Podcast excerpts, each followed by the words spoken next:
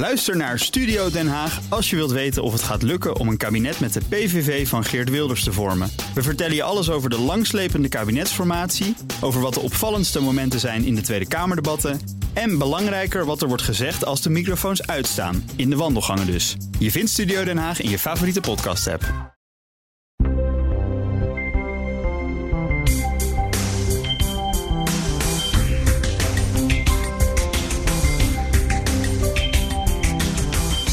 Volgend jaar mag ik voor het eerst stemmen bij de Tweede Kamerverkiezingen. Dat moet ik even uitleggen. Tot voor kort had ik alleen de Britse nationaliteit. In Engeland mag ik niet stemmen omdat ik daar te kort heb gewoond. En hier mocht ik alleen bij de gemeenteraadsverkiezingen stemmen. Toen kwam er Brexit en toen ben ik maar Nederlands geworden. Nou, bij de verkiezingen volgend jaar 2021 dan stem ik vrijwel zeker op een vrouw. Volgens de stem op een vrouw methode. En dat gaan we ook even uitleggen. Je luistert naar Woordwaarde. Ik ben Maria Punch. En in deze negende editie praat ik met Devika Partiman, sociaal activist en oprichter van Stem op een Vrouw. Hi, Devika. Hey, fijn dat om je hier er, te zijn. Ja, fijn dat je er bent. Uh, het is bijna exact een jaar geleden dat jij de Ribius Pelletier-penning won. Nou, kent misschien niet iedereen die prijs. Uh, je kreeg het voor jouw werk in de politiek om meer vrouwen verkozen uh, te krijgen. Hoe was dat om, om zo'n prijs te winnen? Ja, heel tof. Het is een, uh, het is een prijs van de provincie Noord-Holland om uh, inderdaad vrouwen te belonen voor werk voor, uh, binnen de politiek. En wat ik, ik zie mezelf echt als, als activist, als iemand die verandering probeert aan te jagen binnen een best wel oude sector, de politiek. Ja. En de provincie is daar natuurlijk echt een heel oud statisch symbool van. Mm -hmm. Dus ik vond het, het verbaasde me heel erg dat dat soort van erkend werd door een instituut dat ik niet zag als activistisch. Zijn ze ook echt niet, natuurlijk. Nee. dus dat vond ik heel interessant. En, en ook om te zien wat het met mensen doet als je een prijs hebt gewonnen. Ja, wat doet dat? Uh, dan opeens voelen mensen zich, denk ik, gesterkt in het idee dat ze wel al dachten dat je wel goed bezig was. Mm -hmm. Maar dat de prijzen dan bevestigt. Dat ze dachten, oh ja, mijn gevoel klopte. Ja, ik begin er ook mee, hè? dus ik ja. ben daar klaarblijkelijk ook gevoelig voor. Even vermelden dat ja, je een prijs hebt. logisch ook, ja. ja. Ik zelf misschien ook wel, maar dat was grappig om te merken... wat het eigenlijk betekent voor andere mensen ook. Ja. Um, laten we even teruggaan naar het begin. Uh, begin 2017 heb jij de stichting Stem op een Vrouw opgericht. Uh, ja, wie of wat heeft jou geïnspireerd om in actie te komen? Uh, voor Stem op een Vrouw specifiek um, waren dat eigenlijk vrouwen die ik nog nooit heb ontmoet. ja. Namelijk uh, de vrouwen van het Vrouwenparlement Forum. Dat is een Surinaamse vrouwenorganisatie die in de jaren 80, 90 is ontstaan. En zij hebben in de jaren 90 in Paramaribo een campagne gevoerd uh, om meer vrouwen verkozen te krijgen bij de toenmalige parlementsverkiezingen in Suriname. Dat zag ik in een museum. En dat heeft mij eigenlijk geïnspireerd om om Stem op een Vrouw te starten. Ja, weet je iets van die campagne, of die succesvol was bijvoorbeeld? Nee. Nee. nee, ik heb er wel naar gezocht. Maar eigenlijk zou ik dan echt naar Suriname moeten weer... en in archieven moeten gaan kijken of ik iets van berichtgeving erover kan vinden ergens. Maar ja. nee, ik kon er online niks over vinden. Dus jij ging je, jouw Ze eigen... bestaan nog wel. Oké. Ja. Je ging jouw eigen vorm daarvoor vinden, hier voor de Nederlandse politiek. Um, wat was het doel? Um, het doel was uh, iets doen met frustratie, mm -hmm. denk ik. Als ik het op een heel soort van basislevel probeer te bekijken van wat er voor mij aan de hand was. Ik merkte gewoon steeds meer in de jaren daarvoor van er speelt te veel om mij heen, om andere vrouwen die ik ken heen. Uh, die dingen die te maken hebben met ongelijkheid. Van vervelende ervaringen op straat tot in bed. Tot ik had een abortus gehad dat jaar. En een soort van er waren. En ik werkte bij een bedrijf wat best wel een mannelijke cultuur had. Wel een heel leuk bedrijf, maar hè, waarin ik ook begon, veel meer begon te zien wat dat betekende binnen het bedrijfsleven. Mm -hmm. En al die dingen opgeteld. Uh, ja, als je daar echt op gaat letten, wordt het best wel frustrerend soms. dus het was een hele goede manier om iets te kunnen doen. Uh, en dat is het nog steeds. Waarbij je dat probeert te doorbreken en vrouwen die dat ook proberen te doen, kan ondersteunen. Mm -hmm. Met het idee dat als vrouwen aan tafel zitten, als vrouwen invloed hebben mm -hmm. in de politiek, um, dat misschien die workplace, die, die werkvloer waar het op een bepaalde manier, waar een bepaalde cultuur of ongeschreven regels zijn, dat die uiteindelijk veranderen ja, of vrouwvriendelijker worden?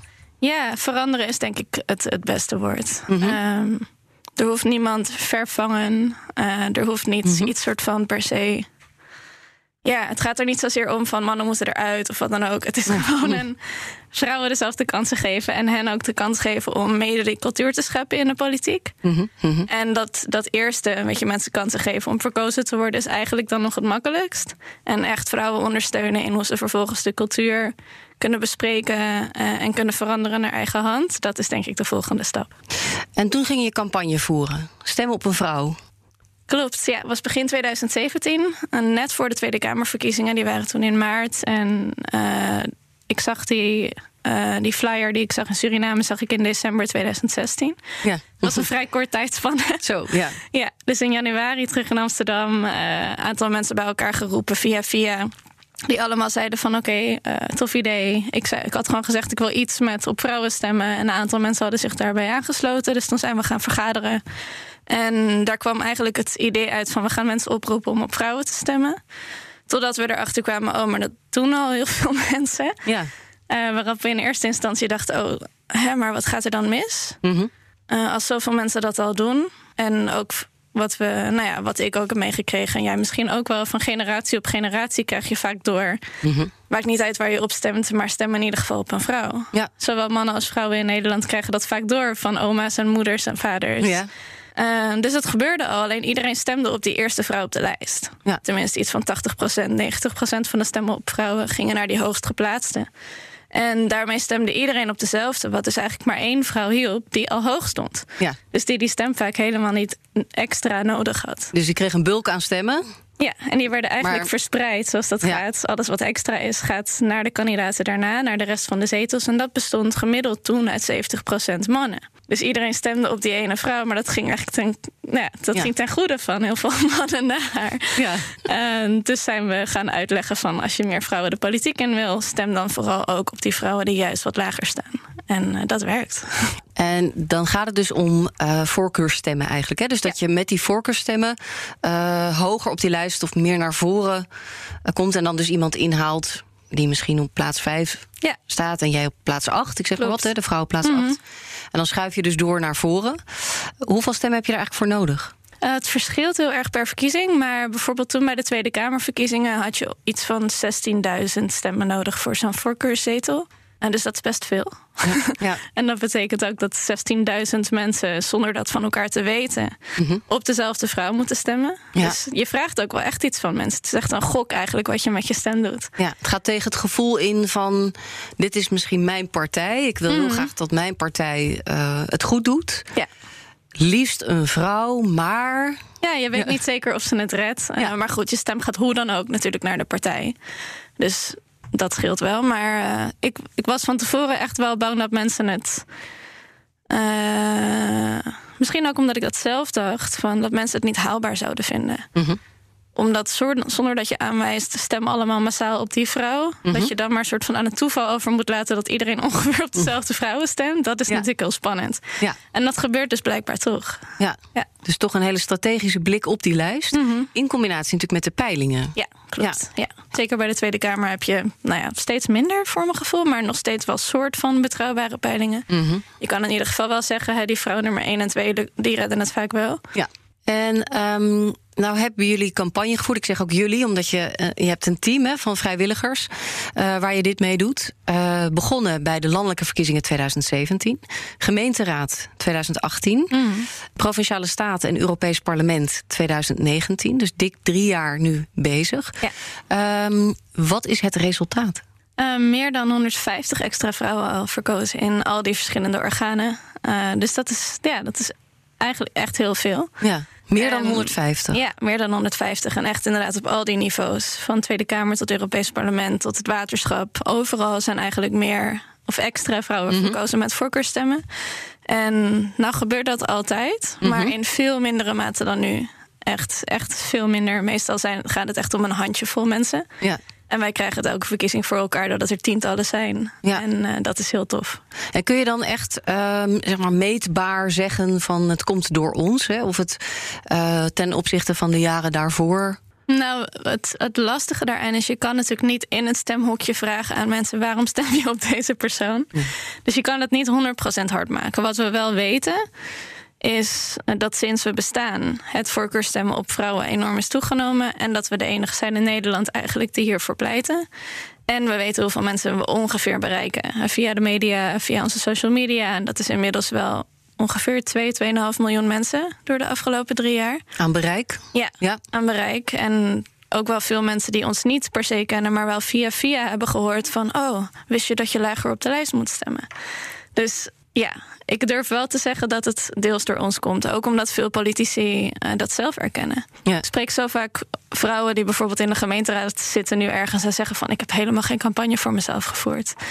En ik ben toch verkozen. Ja, ja, precies. Een soort van thanks. Maar uh, ik moest wel even eraan wennen. En dat is heel grappig. Dat ook vrouwen die op een onverkiesbare plek stonden en die zoiets hebben van oh. Uh, oh ja, ik stond inderdaad op een beetje op dat kantelpunt. En de kiezers hebben dat echt gezien. En natuurlijk, heel veel mensen voeren juist wel campagne voor zichzelf. Dus ik heb ook wel eens iemand gehad die zei: Ik heb het een beetje berekend. Dit zijn een beetje mijn vrienden en familie en mijn achterban. Nou, dat zijn mm zoveel honderd mensen. Dit is een beetje van wat normaliter op een kandidaat wordt gestemd. En dit is de rest. Dus die dacht iets van 30% komt door jullie, 30% komt door mij, 30% komt door de partij. Ja. Dat vind ik een mooie. Ja. Je hebt in 2018 een TED-talk gegeven in Wenen, uh, waar je ook inderdaad uitlegt over wat de methode is uh, en uh, ja, wat het gebracht heeft. Laten we even luisteren.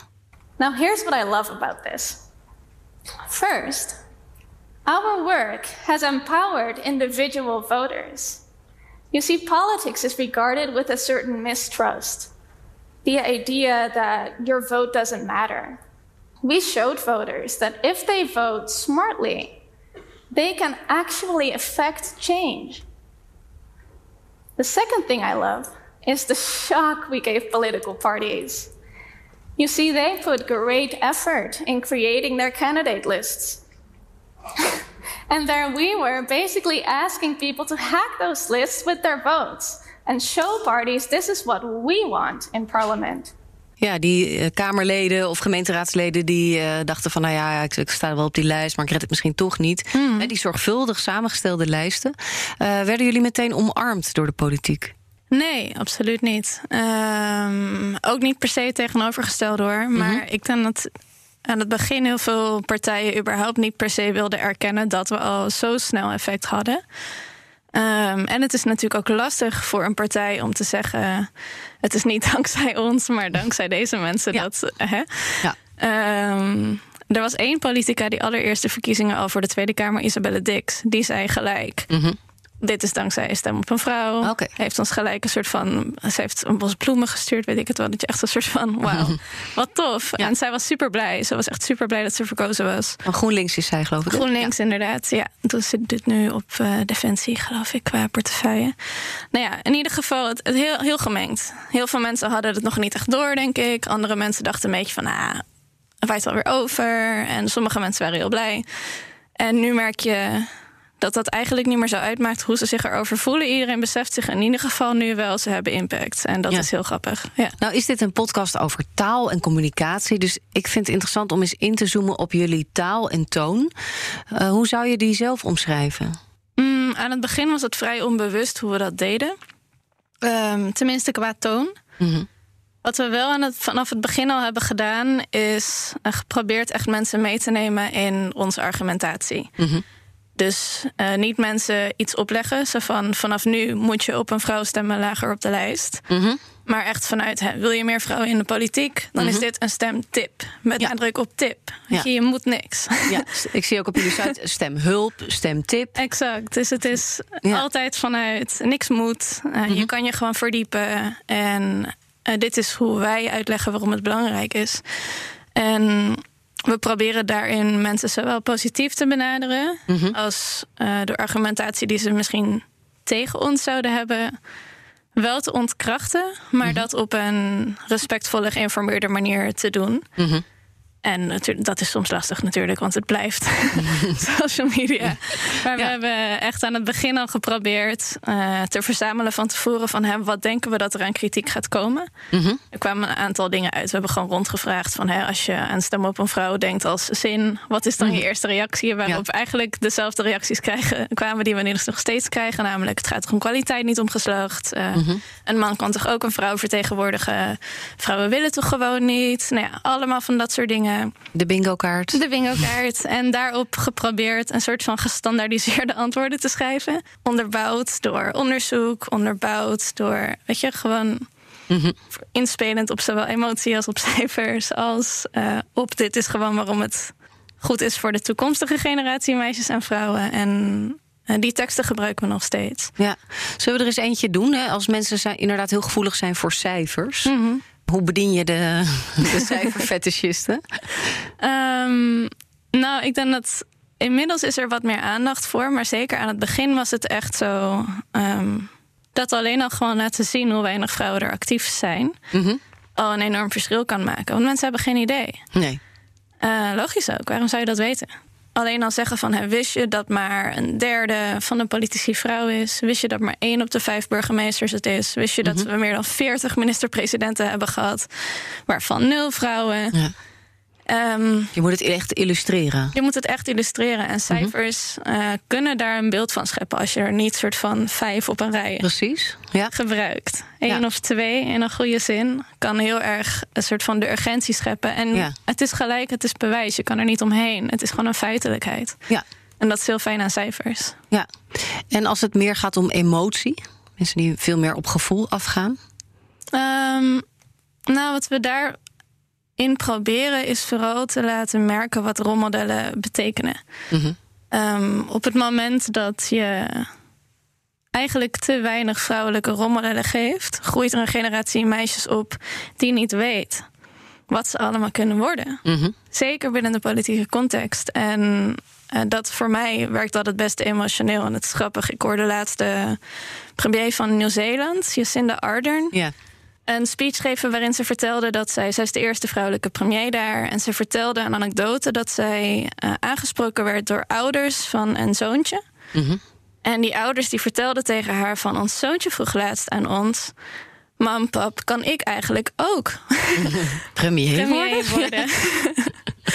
En dat is, dat is voor mij is dat echt de emotie die we moeten overbrengen. En dat is echt die, die rolmodellenfunctie. Het maakt niet uit. Het gaat om jongetjes en meisjes en alles ertussenin. We moeten laten zien dat dit soort posities voor iedereen zijn. Want anders groei je op mhm. met het idee dat het niet voor mij of niet voor jou is. Ik ben echt met dat beeld opgegroeid van politiek is een mannenwereld. Ja. En dat, daar groeien nog steeds meisjes en vrouwen mee op. En dat is gewoon, dat laat echt wel sporen achter. Mm uh, dus dat is de emotie. In hoeverre kan humor een rol hebben? Zijn mensen gevoelig voor humor of is, is het te serieus en kun je er geen grappen over maken? Nee, ik denk het wel. Ik denk dat het heel belangrijk is. Ik vind dat wel moeilijk hoor. Ik ben niet, uh, het is een beetje raar om te zeggen, maar ik ben niet super grappig of zo. Dus je hebt daar echt goede tekstschrijvers voor nodig. Ja. Um, nee, dus we maken er misschien wel te weinig gebruik van. Um, ja. Humor, ik weet niet. Ik probeer wel te communiceren met een knipoog. Mhm. Maar dat zit er meer in uh, bijvoorbeeld dat als iemand een argument geeft. Nou ja, bijvoorbeeld laatst commentte iemand op onze Twitter-account van inderdaad een soort van standaard, maar het gaat toch om kwaliteit. Uh, toen hebben we iets gereageerd van. Nou, dit krijgen, deze vraag krijgen we zo vaak. We hebben hem speciaal voor je op de website gezet. ja. En het is, ja, voor mij is dat een soort van knipoog. Je probeert iemand niet belachelijk te maken, want het is geen belachelijke reactie. Nee. Maar je probeert een soort van met humor aan te tonen van... Hè, ik zie je reactie. We krijgen hem heel vaak. Het is een beetje cliché. Ja. maar we hebben er wel een antwoord op. En ja, je moet er wel voorzichtig mee zijn, denk ik. Mm -hmm, Maar er kan misschien wel gewoon wat meer. Voorzichtig met humor bedoel je? Of voorzichtig om juist te scherp of te... Ja, om iemand niet op de tenen te trappen... die wel met je in interactie gaat. Doet me een beetje denken aan uh, de filosofie ook wel in webcare. Hè, bij bedrijven dat uh, dus de klant is uh, niet altijd koning, maar je probeert altijd te zeggen van hé, hey, wat fijn, wat, of hè, wat, wat, wat balen dat jij nu? Of goh, ik snap heel goed. Ja. nou, weet je. ja. een soort van spreekwoordelijke arm om die persoon heen. Als je nou kijkt naar drie jaar campagne voeren, wat zou je nou zeggen is je belangrijkste campagne tool uiteindelijk? Mm, dat is denk ik de combinatie van een hele simpele afbeelding met twee zinnen tekst. Mm vanaf het begin gebruiken we eigenlijk een soort van één simpele achtergrond met een paar poppetjes erop. Niet gegenderd, gewoon nee. bolletjes, hoofdjes met ja. schoudertjes. En met een stippellijntje die de peilingen representeren tussen een paar poppetjes. En dan een soort pijltje die één poppetje eigenlijk over, het, het stippellijntje heen tilt. Ja. En daar gewoon bij stem, op een, stem op een vrouw lager op de lijst. Ja, dat zijn die twee zinnen. Dat zijn eigenlijk de zinnen. En dan daaronder kan je uitleggen van... Hè, kijk naar de peilingen, dit is waar je mhm. ze kan vinden... La, la, la, dit is waarom het werkt. Maar het visualiseren van... Hè, als je op die vrouw stemt, komt ze hoger. Ja. Met die zin erbij, stem op een vrouw lager op de lijst. Dat is onze belangrijkste tool. Ja. En ik was aan het begin heel bang dat het maar één campagne zou werken. Mm Van wat, hoe gaan mensen het wel accepteren en opnieuw delen. Als je eigenlijk elke keer dezelfde afbeelding en dezelfde tekst gebruikt. Mhm. En natuurlijk geven we het elke keer een opfrissertje, een ander kleurtje. En maken we hem wat mooier. Maar ja, het blijkt dat mensen dat gelukkig pikken. Ja. ja. En je dacht niet, ik geef dat poppetje een jurkje aan en, uh, en wat nee. mascara. Nee, we zijn echt vanaf het begin heel erg weggebleven bij uh, gendered uitingen. Dus ook onze huisstijl is uh, ontworpen door uh, een mannelijke vormgever. Ik wilde heel graag een vrouw. Ja. Ik heb echt twintig mensen benaderd, maar het lukte niet. En hij bleef me maar een berichtje sturen van... mag ik het doen, mag ik het doen, mag ik het doen? Nou, vooruit dan maar. Ja, Uiteindelijk met hem in zee gegaan. En dat heeft wel gezorgd dat we nu een huisstijl hebben... die uh, voor zover dat kan en zover dat bestaat... een soort weggaat van genderclichés. Mm -hmm. uh, qua kleurgebruik, qua lettertype. En dat, ja, dat lijkt een soort van details. En het is echt een gevoelsding ook. Maar... Mm -hmm ja, ik ben daar heel blij mee. We proberen niet te vrouwelijk te zijn, niet te mannelijk te zijn. Uh, qua wat we uitstralen, zodat zoveel mogelijk mensen op onze site kunnen komen of iets van ons kunnen zien en denken: dit mag ik ook zien. Terwijl de, de campagne wel degelijk is meer vrouwen naar voren schuiven, maar dat het einddoel is uiteindelijk een evenwichtige representatie. Ja, dat zou heel mooi zijn. Iemand die jij aanhaalt ook in jouw TED-talk is uh, Shirley Chisholm. En zij was in 1969 de eerste zwarte vrouw in het Amerikaanse Huis van Afgevaardigden. Uh, nog veel specialer in 1972. Uh, toen was ik nog niet geboren en jij zeker niet. Een gooi naar het presidentschap. Zij was toen de eerste Afro-Amerikaanse kandidaat. Niet de eerste vrouw die dat probeerde. Mm. En ik heb een fragment waar zij haar kandidatuur toelicht aan studenten in Californië. Ah, tof. But when you are a catalyst for change in any society, you have to be prepared to take the insults, the abuses, the misapprehensions, the skeptics, those who are not ready for change. You have to be prepared to take all of these kinds of situations that would immediately develop when you go against a tradition in this country. A tradition that has said ever since the inception of the Republic that only one segment of America can run and hope to aspire to be the chief executive of this nation, and that is a white male. And not only in terms of the chief executive of this nation, but also in terms of vice presidents and heads of departments and heads of agencies and ambassadors and consular generals. You name it, and I'll tell it to you. Only one segment of America seems tacitly to be able to have the creativity, the input, and the ability to solve so many of the problems of this country. And yet we look at this country today and look at the mess that we are in. It is time for new blood. Mooi is dit, hè? Wauw, ja, wat vet. Ik heb er nog nooit horen spreken. Wat tof, zeg. Ja. Uh, ja, jammer dat ze niet gered heeft. Hè? Hoe zou de geschiedenis anders zijn geweest? Um, ja, echt onvoorstelbaar. Ja. ja. Een paar dingen die zij zegt, de, de abuse, de insult. Mm -hmm. um, daar hebben we natuurlijk nog steeds mee te maken. Vorige week stond er een heel sterk stuk van Katelijne Buitenweg van GroenLinks ja, in de Groene. En dat ging specifiek over eigenlijk online agressie tegen vrouwen in de politiek, ook wel tegen vrouwelijke journalisten. Mm um, ja, welk kruid is daar tegen gewassen? Daar, hebben jullie daar ook mee te maken?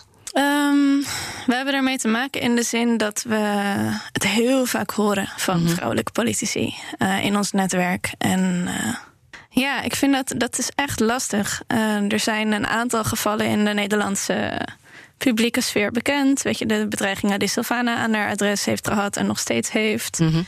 Zijn raadslid in Emmen, Oekbaat Hassan, die vorig jaar ook aangifte heeft gedaan. Omdat ze inderdaad een, een shitload van haat over zich heen had gekregen en bedreigingen. En dat zijn de, de bekende gevallen. En het gebeurt zoveel vaker. En de meeste politici zijn niet bereid daarmee naar buiten te treden. Omdat je weet, dan haal ik me nog meer ellende op de hals. Ja. Als een soort Eh, gevangenis je- bijna. Ja, dus het is, het is echt zo lastig. Ehm, en het is, nou ja, het is precies wat, wat mevrouw Chiselmeer zegt. Je moet ergens bereid zijn op dit moment Mhm. om dat aan te gaan. En ik denk dat het belangrijkste is dat partijen beter worden in ook mensen daarop voorbereiden. Ja. En intern iets bedenken als het gebeurt. Hoe reageren we dan? Mhm. En dat moet je gewoon bespreken met die vrouwelijke politici zelf. Mhm. En ondertussen proberen we nu zelf ook te kijken wat kunnen wij daaraan doen. Eh, dus we zijn nu, we hebben in april een eerste meet-up met een aantal vrouwelijke politici waarvan we weten die hebben dit een keer meegemaakt of vaker. Ja. Eh, om eigenlijk aan hen te vragen, gaan we met elkaar praten over wat als wij een supportnetwerk zouden starten, hoe moet dat eruit zien? Mhm. Ehm, en hoe kunnen we dat faciliteren? Want hè, vrouwelijke politici hebben het druk. Ze wonen over het hele land. Eh, het zijn hele ingewikkelde agenda's. ja, zeker. Eh, en dus ook voor, ja, we kunnen niet zomaar erop inspringen van wij gaan nu dit doen of we beginnen nu een steunpunt, want we hebben die capaciteit gewoon niet. Nee. Maar we willen ze wel iets gaan bieden. En ik hoop dat zij eh, bij ons kunnen aangeven wat, dat, wat daar een startpunt van kan zijn. Maar het is ook een kwestie van eh, de, ja, hoe, hoe werkt de wet hierin? Wie is er verantwoordelijk? Want er is eigenlijk heel veel niet strafbaar. Ja.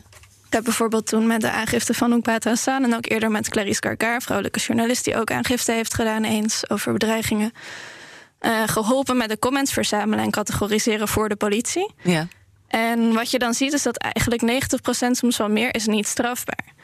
Een bedreiging eh, moet echt heel specifiek zijn.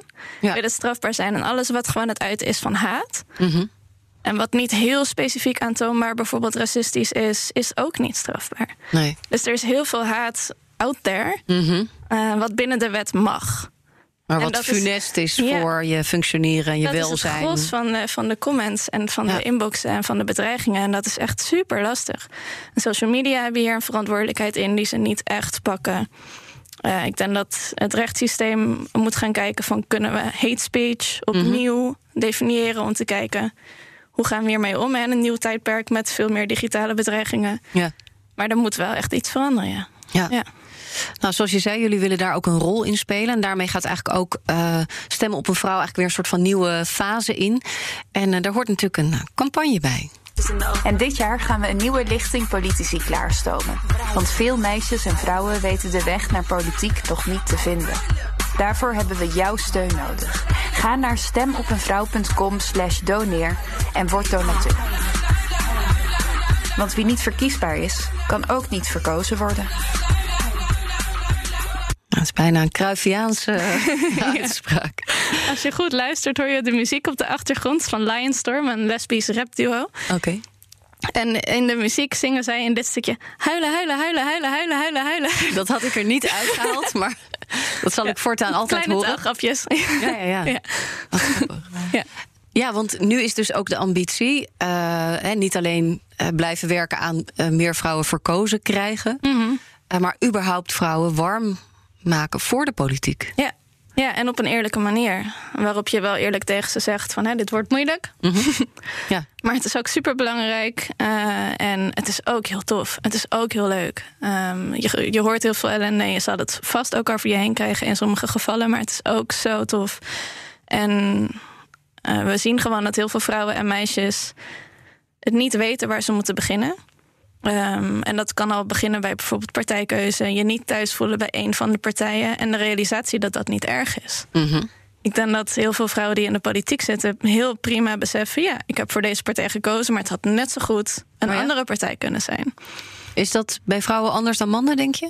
Weet ik niet. Ik denk dat mannen daar misschien ook wel een beetje opportun in, in kunnen zijn. Je begint gewoon ergens en als dat bevalt. Ja. ehm, ja, of als je ergens warm wordt onthaald of eh, wat mensen ontmoet waarvan je denkt: hè, eh, Ja. ik voel me verbonden met jou, is het al snel goed. En ik denk dat je dat met heel veel partijen kan ervaren. Mhm. Eh, als je mazzel hebt. ja. Maar alleen al die, die stap van hè, ergens lid worden, je gaan verdiepen in hoe het werkt. Ook het besef dat uh, je gewoon, bijvoorbeeld als je iets wil doen in je gemeente, je hoeft echt geen raadslid te worden. Stel je werkt in het onderwijs, uh, je kan ook in een commissie, maar mensen mm -hmm. weten helemaal niet dat dat bestaat. Nee. Dus, dat je op die manier ook zou kunnen bijdragen, gewoon door je expertise en je ervaring te delen. Precies, en dat je daar ook geen hoogleraar voor hoeft te zijn. Maar ervaringsdeskundigheid is juist heel welkom, uh, in de, zeker in de lokale politiek. Mm -hmm. Dus het is voor ons, ja, we hebben gewoon gezien dat de aanwas is, is niet divers genoeg, uh, is te klein. En we zien dat politieke partijen niet volledig uitgerust zijn uh, om voor een betere aanwas te zorgen.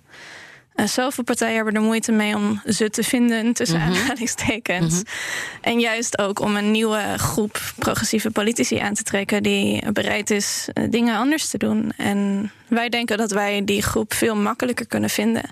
En dat ze bij ons misschien minder druk voelen om gelijk in zo'n partij te stappen en daar dan je weg te vinden. Je kan gewoon bij ons beginnen, mm -hmm. elkaar leren kennen, je kan je twijfels uiten en je oriënteren met hulp van een organisatie die weet hoe dat werkt, met een goed netwerk. En die rol willen we heel graag bieden. Eigenlijk de stap voor de politieke partij. Zien we jou ooit op een lijst? Uh, ik overweeg het wel eens, mm -hmm. ja. Uh, ik vind het, nou wat ik zei, ik vind het een hele lastige. Ik heb een beetje haat-liefdeverhouding met de politiek. Uh, maar de impact die je kan maken en de vele toffe mensen die erin werken, ik zou er zeker aan willen bijdragen. Maar ik ben ook iemand, ik hou van leiding geven. Uh, en ik heb ooit helemaal aan het begin van mijn feministische ontdekkingsjaren Hedy Dancona geïnterviewd. Ja. Voor een van de superklein blog wat ik toen had. En zij vertelde hoe zij de politiek in was gekomen. Namelijk eigenlijk gevraagd vanuit de man-vrouw maatschappij... als tweede golf bekende feministen. Uh, gevraagd door de PvdA, wil je minister worden? En toen dacht ik, kijk, dat is een mooie weg. dat je gewoon gevraagd wordt op je expertise... van wil je een leiderschapsfunctie komen, mm -hmm. komen invullen. Dus ja, op die manier zie ik mezelf wel de politiek ingaan. Ik weet niet of ik op een andere manier... Uh, maar goed, die kansen moet je voor jezelf dan gaan Als creëren. minister van Emancipatiezaken. Bijvoorbeeld, ja. ja. Devika Partiman, dank je wel voor dit gesprek. Uh, jij bedankt voor het luisteren. Vond je dit een toffe podcast? Zou je hem dan willen delen? Op Twitter of LinkedIn bijvoorbeeld. En als je daar ook nog hashtag woordwaarde, hashtag BNR bij gebruikt... dan ben ik helemaal blij. Tot de volgende.